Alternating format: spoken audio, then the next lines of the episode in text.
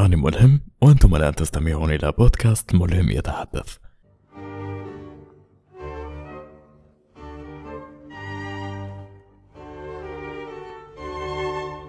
كثير من الأشخاص يرتكبون الأخطاء مو هذا شيء طبيعي لكن في كثير من الأحيان نسمع بعد ما تم ارتكاب هذا الخطأ جملة اتركه هذا لسه مراهق. فراح أتحدث عن المراهقة في اللغة ولماذا سمي بالمراهق؟ ما هي فترة الإنسان في المراهقة؟ والأفعال التي تدل على أنه هذا الإنسان مراهق وبختمها نصائح للأهالي. هل عندهم مراهقين؟ معنى المراهقة في اللغة العربية هي من كلمة راهق وتعني الاقتراب من الشيء. يعني كمثال بسيط شخص يتسلق الجبل وشرف على الوصول إلى القمة. أما كلمة مراهقة بالعلم فتعني مرحلة اكتمال ونضوج الجسم البشري من الناحية العقلية أو الجسمانية. هسه ما راح أشرح لكم امور علم النفس وامور علم الاحياء وإلى غيرها لأن صراحة كافي علي دروس الأحياء. وأعتقد أنت أو انت كافي عليكم همينة النقطة اللي ذكرتها حول التسمية في اللغة العربية راح تكون مكملة إلى النقطة الثانية اللي راح أذكرها حاليا وهي أصل التسمية. قبل شوي قلت المراهق مثل الشخص اللي جالس يتسلق جبل وشرف على الوصول إلى القمة. لكن يا عزيزي وعزيزتي المستمعين هذا مثال توضيحي فقط. لأن بالحقيقة المراهق راح يبدي يبني ويفرض شخصيته.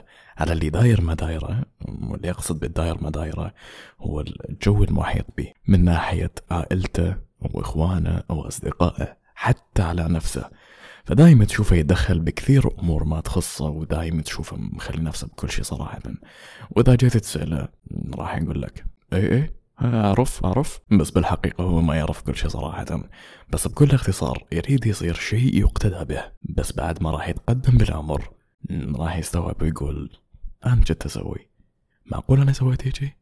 وإذا أنت توك مراهق وسألت هذا السؤال لنفسك فبرافو حبيبي برافو فاللي أريد أقوله كنا مرينا بهذا فأبد لا تحطمه وأبد لا تحاول تقلل أو تستنقص من تصرفاته.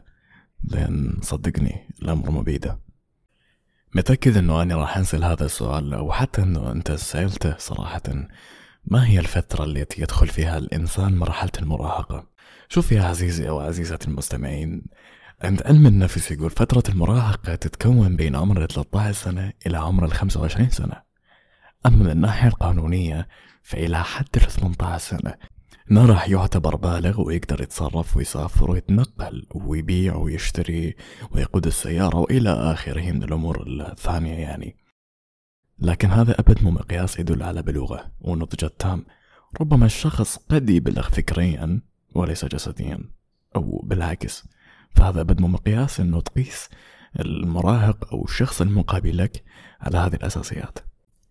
أما النقطة اللي ما قبل الأخيرة فشنو هي الأفعال اللي تدل على أنه هذا الإنسان مراهق؟ أو شنو الأفعال اللي أعرف أو الشخص المقابل يسواها أعرف أنه هذا مراهق؟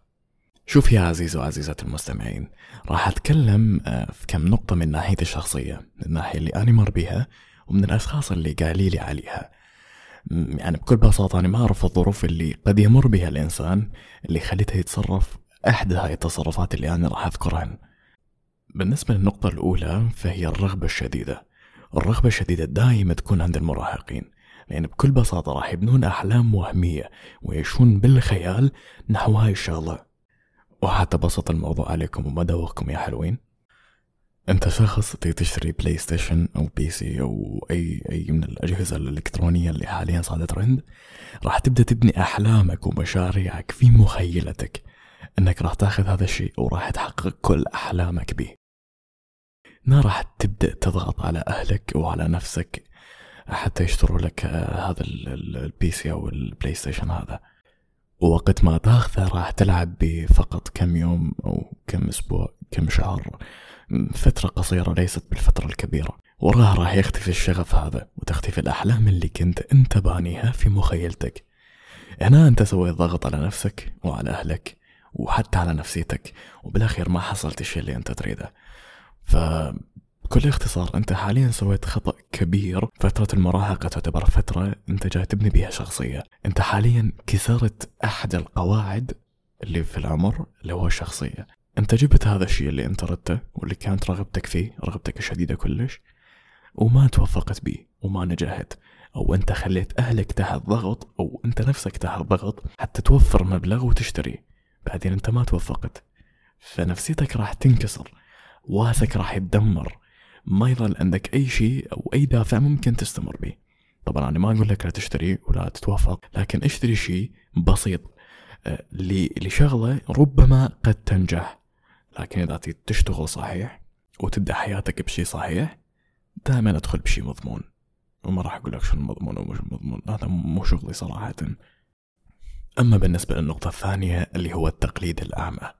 التقليد الأعمى لبعض الأشخاص دون التفكير في العواقب. وهذا الشيء الكل راح يتفق عليه من ناحية الأضرار المستقبلية وكذلك الطريق الخطأ اللي أنت راح تسلكه وحتى موضح لك الشيء بشكل مبسط وما دوخك يا حلو أنت. أنا حاليا راح أتقمص شخصية مراهق وراح أفكر بصوت عالي. ما شاء الله. هذا الشخص عنده سيارة وفلو. إيش إيش إيش هذا اللي؟ أوف أوف أوف أوف. بيده سيجارة وجالس يدخن مم أكيد لأنه يدخن نجح لأن الدخان يخلي الشخص هادئ ويريح الأعصاب. وأكيد أكيد أكيد إذا دخنت راح يصير مثله وراح أصير أحسن منه بهواي فأنا لازم أدخن. لا يا حلو أنت لا ما راح تنجح وراح تضر نفسك بس. هذا التفكير اللي يفكر به المراهق وإذا ما كان بالتفصيل مثل ما تقمصت حاليا فأنا متأكد مية بالمية أنه أكو بعض الأشخاص خطرت على بالهم هذه الأمور وبنوا عليها أسباب. وهذا الشيء يا عزيزي وعزيزتي المستمعين مو أساس تقيم من الشخص. لا لا أبد. ربما هو يدخن لكن اشتغل لسنوات. سهر لليالي حتى يجيب سيارة أو شركة أو كثير من الأشياء اللي أنت شفتها. هسه ما أقول أن التدخين صح أو مفيد في مواضيع ما بس قاعد أشرح الموقف اللي صار. النقطة الأخيرة. العلاقات. هذه آخر نقطة وأختم بها هذا الموضوع موضوع التصرفات وأفعال المراهق. لكن بصراحة هذه النقطة لا تقل أهمية عن النقاط اللي سبق وذكرتها. هذه أكثر نقطة جربها كل مراهق وكل وكل بالغ صراحة وهي العلاقات. سواء كانت علاقات كأصدقاء وصداقة أو علاقات أخرى مثل الحب أو ما يسمى بالحب يعني. بكل صراحة أكثر شيء ممكن يغير حياتك أو يأثر عليها هي علاقتك مع أصدقائك. لأن بكل بساطة راح يزرعون أفكارهم ومعتقداتهم وتجاربهم وأفعالهم وكثير كثير من الأفكار سواء كانت إيجابية أو سلبية. هذا مو مهم صراحة. المهم أفكارك وتصرفاتك والشي اللي أنت تربيت عليه وتعلمت منه. أبدا لا تغيره إلا في حال سويت مقارنة بين النصائح وركز على كلمة نصائح. إلا إذا سويت مقارنة بين النصائح اللي تسمعها من أصدقائك وبين الشي اللي أنت تعلمته وتربيت عليه بالبيت. بعدين اسأل شخص أكبر منك وأفهم منك بهذه الحياة. يلا تجي تاخذ آه اختياراتك أو قراراتك وتبني على أساس أنه تغير الشيء اللي أنت تعلمته أو تبقي هذا الشيء. هذا هذا بالنسبة طبعا للإيجابية. أما بالسلبية فدايم اسمع لها. يب يب. دايم أسمع لها ولكن لا تاخذ بها أبد ولا تفكر بها أبد ولا تتطرق لها أبدا أبدا أبدا. مم. طيب ليش أسمع منها ناصل شوف عزيزي المستمع أو عزيزتي المستمعة اسمع إلها حتى تتعرف على تفكير هذا الشخص ومدى تأثيره على من حوله. إنها راح تتعرف على الناس المسمومين فكريا وتتجنب وتتجنب أفعالهم اللي جاي يسووها. أما بالنسبة للنقطة الأخيرة فحاليا أنتم أعزائي؟ قوموا وخلوني أحكي ويا أهلكم. أهلا سيد الوالد أهلا سيدة الوالدة. آه، إذا عندكم شخص بالبيت تو بادي في مرحلة المراهقة وأنتم أكيد تعرفون شنو مرحلة المراهقة. مرحلة المراهقة هي مرحلة بين الصغر أي الطفولة ومرحلة أنه نضج فكريا وبدأ ينفتح للحياة. فأبد لا تضغطون عليه. لا يبني شخصيته. أبد لا تهينه فكريا أو تهينه جسديا. لأن أنت حاليا آه، خليت فكرة للمستقبل. جوز ابنك اليوم صار آه، دكتور أو صار معلم أو أي أي شيء يحتذى به مستقبلا. هنا حسب الشيء اللي أنت سويته وياه حسب السموم اللي زرعتها بأثناء مراهقته. طبعا مع احترامي لك يعني.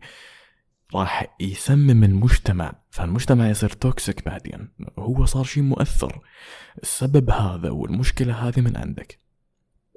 فدائما أنصحه دائما أنصحه دائما أنصحه. ودائما لا تضغط عليه من ناحية أعماله من ناحية دراسته أبد. وحاليا دا يجرب. وإذا شفته صرف شيء للصغار okay شيء normal easy طبيعي. قلت لك إنه هو حاليا دا يبني شخصية. لأن هو ما يقدر يصعد إلى مرحلة النضج وهو لسه ما عنده تجربة قوية بالحياة ولا يقدر يكون كطفل وحاليا جسمه بدأ ينمو وما عنده ذيك الخبرة القوية بالحياة. فعوف على راحته وفوا أطفالكم على راحتهم. وأنا قلت أطفال لأن أنا أعتبر المراهقين أصغر شوي. فعوفوا أطفالكم على راحتهم. أنصحوهم دائما دائما ابنوا لهم مستقبل حتى لو هم كانوا بنظركم ما راح يكون عندهم مستقبل. وأنا أفهم شنو أنه آه تمييز بين الأطفال أنه هذا أوكي راح يكون له مستقبل هذا ما راح يكون له مستقبل. لا لا أبد. أبد لا تسوون هذا الشيء. ابنوا مستقبل لكل أطفالكم والله يحفظهم لكم ويحفظكم لهم إن شاء الله.